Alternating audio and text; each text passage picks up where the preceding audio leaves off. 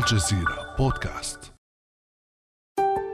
ظهرت في أزمة جزيرة القرم عام 2014 وبرزت أكثر مع التدخل الروسي في سوريا في 2015 قبل أن تملأ الدنيا وتشغل الناس بتغلغلها في إفريقيا. إنها مجموعة فاغنر الروسية ومؤسسها يفغيني بريغوجين. شخص مثير للجدل ومعروف باسم طباخ بوتين. قبل أشهر ظهر في فيديو منسوب إليه مخاصبا مجموعة من عناصر فاغنر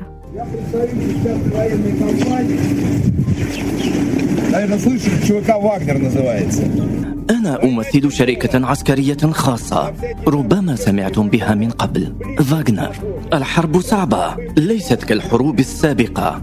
لا أحد يتراجع. ولا أحد يستسلم. لا أحد يسلم نفسه. خلال التدريب سيتم إخبارك بضرورة وجود قنبلتين معك. عند الاستسلام بينما أنتم معنا. لنصف عام ستكونون دائما في منطقة القتال. بعد ستة أشهر من الخدمة معنا. يمكنكم العودة إلى منازلكم والحصول على عفو.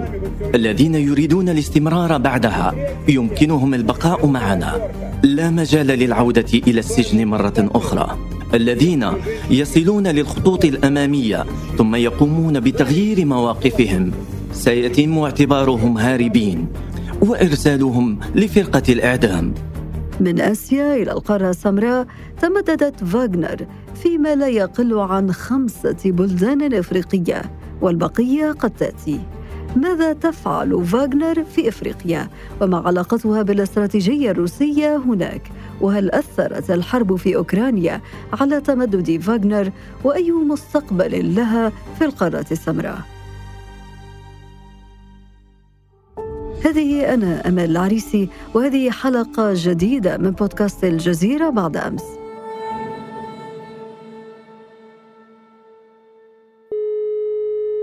أرحب بصديق البرنامج من الجزائر الدكتور حسام حمزة الأستاذ بالمدرسة الوطنية العليا للعلوم السياسية. أهلا وسهلا بك دكتور حسام. أهلا وسهلا أستاذة أمال تحية ليك ولكل طاقم البرنامج وأيضا لمتابعي بودكاست الجزيرة بعد أمس. شكرا لك دكتور حمزة. ظهر مصطلح فاغنر في وسائل الإعلام لوصف شركة عسكرية خاصة. كان يقودها الجنرال ديمتري أوتكين الذي كان معجبا جدا بالثقافة الألمانية. ولذا اختار لهذه المجموعة اسم الموسيقار الشهير ريتشارد فاغنر.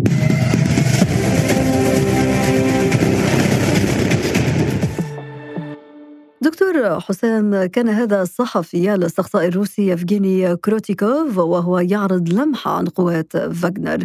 لو نقدم بداية فكرة عامة ومختصرة عن فاغنر. نعم عندما نتحدث عن مجموعة فاغنر فنحن نتحدث في الدراسات الأمنية عما يسمى بالشركات الأمنية الخاصة. طبعا يمكن أن نسميها شركات أمنية خاصة يمكن أن نسميها شركات عسكرية خاصة. يمكن أن تسمى أيضا شبكات مرتزقة، يمكن أن تسمى جيوش خاصة، تختلف كل هذه التسميات ولكن نحن نتحدث عن سمتين أساسيتين في هذه الشركات. هي اولا ليست تابعة مثل الجيوش النظامية للدولة وللحكومة، وبالتالي هي تعمل بطريقة شبه مستقلة عنها. والسمة الثانية أنها تعمل بمقابل بمعنى وكأن هناك اليوم سوق للأمن أو سوق للقوة. في الماضي كان حكرا على الدول ولكنه اليوم أصبح آه، مفتوحا للشركات تتنافس فيه لتقديم خدماتها وتحقق من خلال ذلك مجموعة من المكاسب والأرباح. بالنسبة لمجموعة فاغنر تحديدا فمعروف بأنها مجموعة من آه، المرتزقة الروس التي أسست سنة 2014 من أشخاص معروف أنهم كانوا يعملون سابقا في الجيش الروسي وحتى في الاستخبارات الروسية وأيضا تعمل اليوم في الكثير من مناطق العالم لتقدم خدمات أمنية للكثير من الحكومات وحتى بعض التنظيمات غير الحكومية.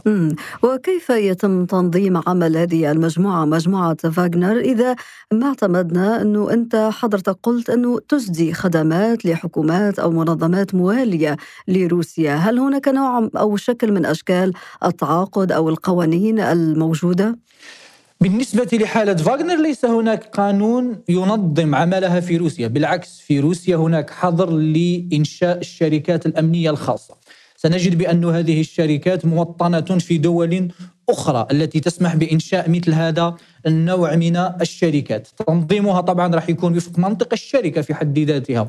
راح يكون لدينا مجلس إدارة ويكون لدينا موظفون ومتعاقدون وطبعا هذا في الظاهر ولكن في الخفاء هناك دائما علاقات مع وزارات الدفاع ومع أجهزة الاستخبارات في آه، الدول التي تعمل لصالحها هذه الشركات روسيا في حالة فاغنر. برأيك لماذا يتم هذا التعامل في الخفاء؟ هل لذلك علاقة بما يتم الحديث عنها عبر تحقيقات الإعلامية وغيرها من أن هذه المجموعة تضم مساجين وكبار المجرمين؟ ولافت أيضا أن الحكومة الروسية آه، في حد ذاتها تنفي علاقتها بقوات فاغنر. أولا يجب أن نقول بأنه رسميا وقانونيا ما تدعيه الحكومة الروسية. صحيح لأنه كما قلنا القانون الروسي يحظر إنشاء أي شركات أمنية أو عسكرية خاصة في روسيا. لكن هذا آه، سياسيا خاطئ وغير صحيح. طبعا لا يمكن لعين أن تخطئ رؤية الصلة المباشرة بين فاغنر والاستراتيجية الروسية. فاغنر ما هي إلا أداة لتنفيذ الاستراتيجية الروسية في مناطق ما يسمى مناطق الاشتباك الجيوسياسي ومناطق الصراع على النفوذ مع الغرب تحديدا ومع الأعداء الغربيين بالنسبة لروسيا. هذا ما يحدث في حدث اولا في القرم ما يحدث الآن في أوكرانيا ما يحدث في ليبيا ما يحدث في مالي في إفريقيا الوسطى في كل أماكن تواجد هذه المجموعة الأمنية. اذا سياسيا هذا غير صحيح بالإضافة طبعا إلى أنه هناك الكثير من الدلائل التي تشير بأن مجموعة فاغنر تستغل المنشآت الروسية الرسمية التابعة لوزارة الدفاع الروسية للقيام بعمليات التدريب. ناهيك عن تلقيها مجموعة من الأسلحة أو الأسلحة التي تستخدمها هي كلها أسلحة روسية. لا يمكن الحصول عليها دون موافقة وزارة الدفاع الروسية. طبعا هذه أدلة لدينا أيضا مؤخرا تصريح بريغوجين رجل الأعمال الروسي المعروف بأنه من المقربين من الرئيس الروسي فلاديمير بوتين الذي قال في سبتمبر 2022 بأنه أسس آه، مجموعة آه، فاغنر شبه العسكرية سنة 2014 الآن لماذا تصر روسيا على نفي أي علاقة بفاغنر؟ هذا طبعا للتنصل من كل مسؤولية محتملة عن نشاطات هذه المجموعة لأنه نعرف بأن هذه المجموعات في نشاطها في أرض الواقع تقوم أو كثيرا ما تقوم بانحرافات وحتى جرائم في بعض الأحيان. كنا لاحظنا هذا يعني حتى في تجربة العراق مع بلاك ووتر في آه، فضيحة أبو غريب. فلكي لا تتحمل روسيا تبعات هذه الأنشطة الإجرامية وهذه الأنشطة غير الشرعية فهي تقول دائما بأنها ليس لديها أي علاقة آه، بهذه المجموعة. وبما أننا نتحدث عن مناطق الاشتباك والنفوذ بين روسيا ومنافسيها حول العالم، لا شك أن الحرب في سوريا كانت منطلقا لتدريب وكذلك دعم الأعداد المرتبطة بهذه المجموعة.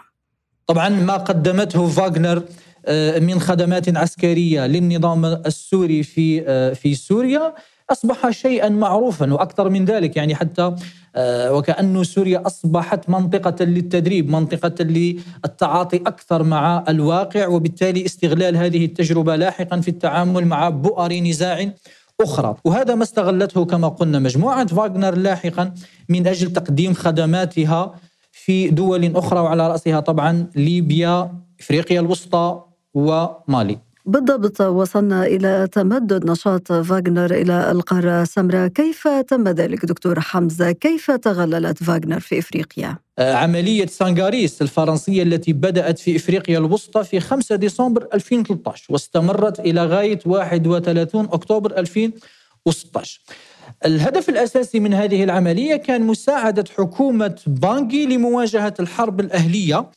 الثالثة وتمرد ما يسمى بالسيليكا ولكن سنة 2016 تحديدا يعني نتحدث عن أفريل 2016 تحديدا في زيارة للرئيس آه، لرئيس إفريقيا الوسطى تواديرا إلى فرنسا وفي لقاء له مع هولوند وعده هذا الأخير بأن عملية سانغاريس ستستمر. بعدها بشهر واحد فقط في ماي 2016 الرئيس الفرنسي في زيارة إلى بانغي يعلن بطريقة مفاجئة ودون سابق إنذار بأن عملية سانغاريس ستنتهي وبأن فرنسا لن تجدد آه، عهدة هذه العملية. هنا حكومة بانغي وجدت نفسها تقريبا عزلاء في مواجهة حرب أهلية كانت وتمردات كانت تهدد حتى العاصمة في حد ذاتها. هنا طبعا بانغي لم تجد من ملجأ سوى الذهاب إلى روسيا.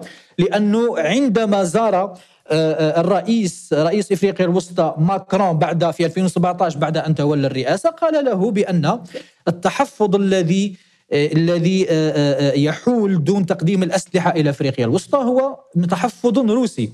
عندما تواصل الرئيس رئيس إفريقيا الوسطى مع روسيا قال بانه في الأخير نحن لا نتحفظ وليس لدينا أي مشكل مع إفريقيا الوسطى وإنما نحن نطبق فقط قاعدة في القانون الدولي تقول بأنه لا يمكن ابدا أن نعيد توزيع أسلحة احتجزت أو حجزت في نزاع مسلح، يعني فرنسا كانت ستقدم أسلحة إلى إفريقيا الوسطى.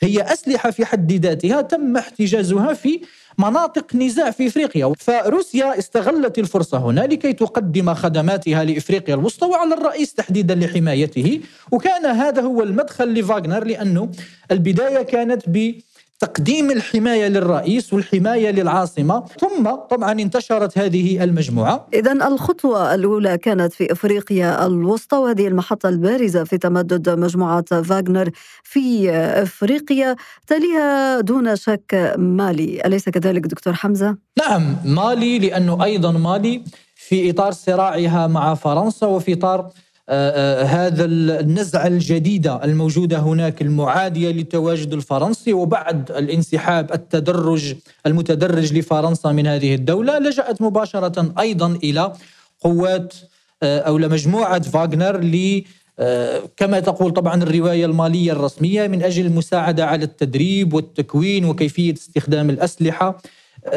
وهي أشياء كانت تنقص مالي ولم تساعد فرنسا مالي في هذا الجانب تحديدا، طبعا عندما نتحدث عن مالي يجب أيضا ألا ننسى بأن فاغنر موجودة أيضا في السودان، موجودة في ليبيا وموجودة حتى في الكاميرون. في هذه النقطة دكتور حمزة ما هي أهداف روسيا من وراء نشر فاغنر في إفريقيا؟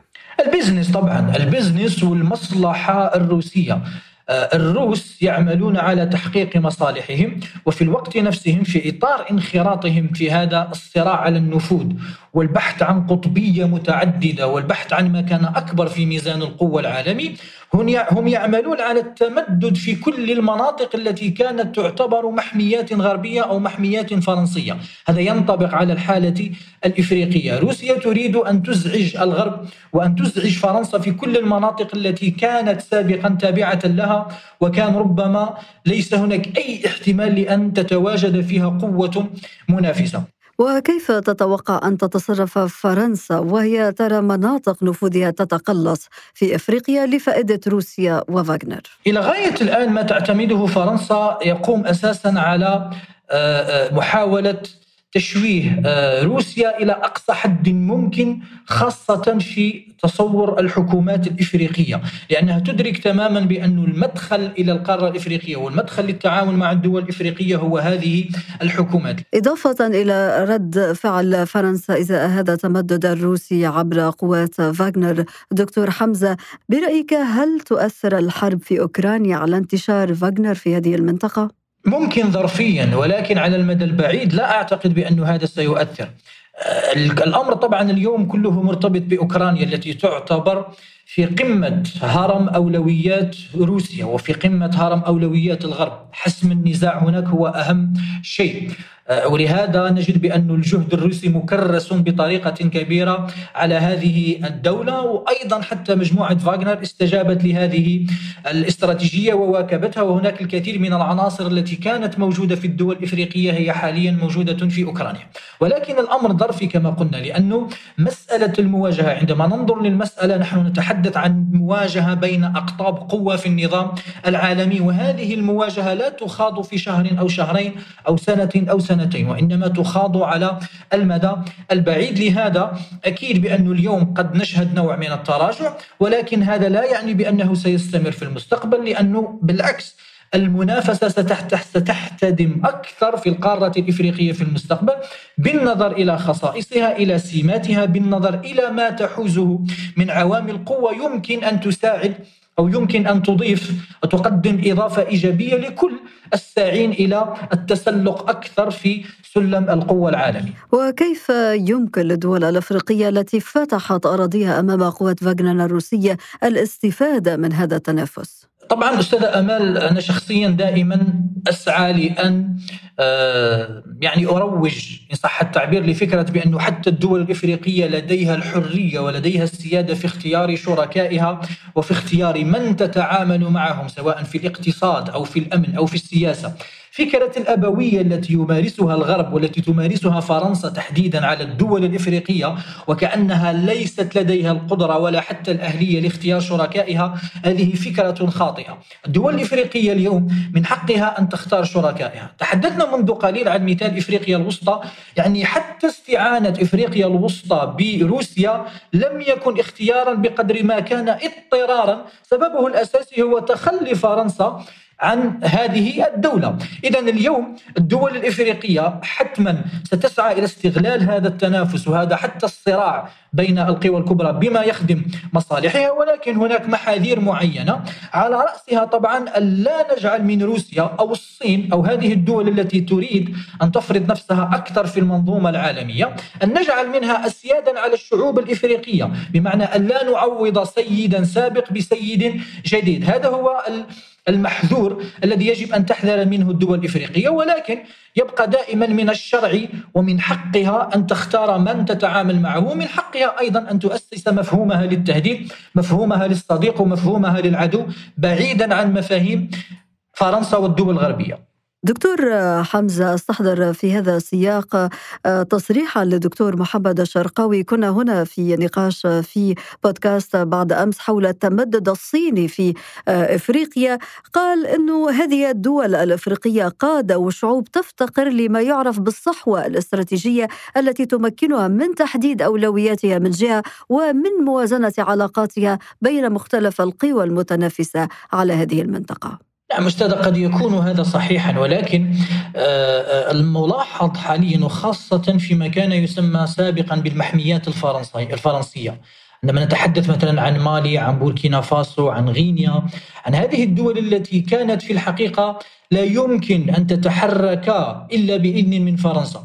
وعندما نلاحظ بأن اليوم حركيات المدنية والأهلية وخاصة حركيات الشباب معادية في شعاراتها وفي سلوكاتها لفرنسا ولتواجدها في هذه الدولة فيمكن القول بأن هذه الصحوة بدأت تتشكل.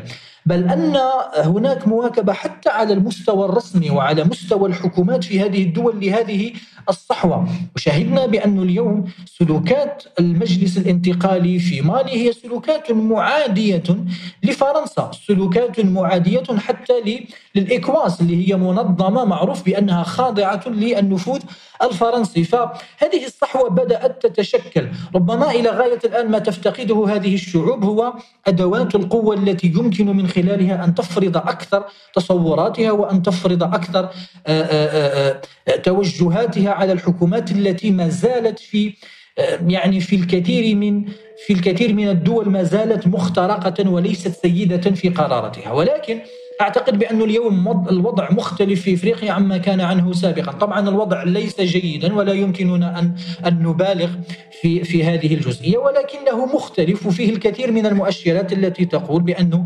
الأفارقة اليوم وخاصة الجيل الجديد صائمة من المنطق القديم في التعامل مع القارة الإفريقية وصائمة أيضا من منطق المساعدة الذي تدعيه الدول الغربية في التعامل مع القارة الإفريقية وبأنه اليوم يبحث عن منطق جديد في التعامل مع الأجانب بصفة عامة وهو منطق المكسب ومنطق الربح للجميع بعيدا عن فكرة المساعدة. الدكتور حسام حمزة الأستاذ بالمدرسة الوطنية العليا للعلوم السياسية بالجزائر.